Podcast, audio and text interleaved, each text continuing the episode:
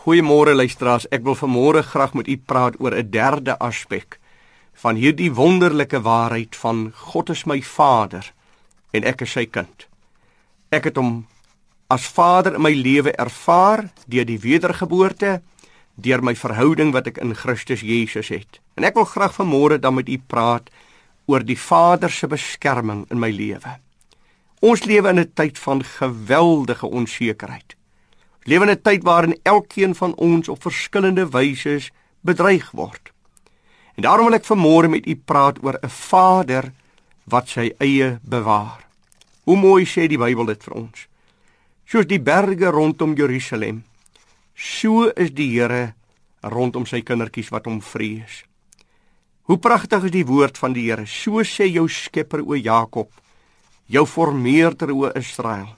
Wees nie bevrees nie. Ek het jou verlos. Ek het jou by jou naam geroep en jy's myne. As jy deur die water gaan, is ek by jou. As jy deur die vuur gaan, sal die vlam jou nie brand nie en ook nie skroei nie. Moenie vrees nie, ek is met jou. Kyk nie angstig rond nie. Ek is jou God. Ek het vir jou gesê, wees nie bevrees nie, ek help jou. Die Here, onsse God bewaak sy eiendom. Die Here beskerm sy eiendom. Geliefdes, kom ons sê dit vanmôre vir mekaar. As die Here nie sy hand oor my vandag oopmaak nie. As die Here nie sy hand oor my toehou nie, is ek die aanslag van die duiwel en het ek geen kans tot oorlewing nie. Hoe mooi sê Johannes 10 vers 29 vir die kinders van God. Let op, hulle wat na sy stem luister en wat doen wat hy sê. Hy sê ek julle is in die hand van die lewende God en niemand is sterker as God om julle uit sy hand weg te neem nie. Geliefdes, ek wil jou vanmôre uitdaag. Glo in God. Vlug na God. Gaan lees gerus maar weer Psalm 18.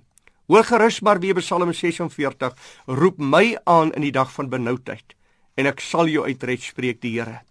Want as hulp in benoudheid is ek die Here jou God in 'n hoë mate beproef. Sal u saam met my bid? Dan dank ons God vir sy beskerming. Dankie Here dat dit u is wat vandag oor my die waak gehou het.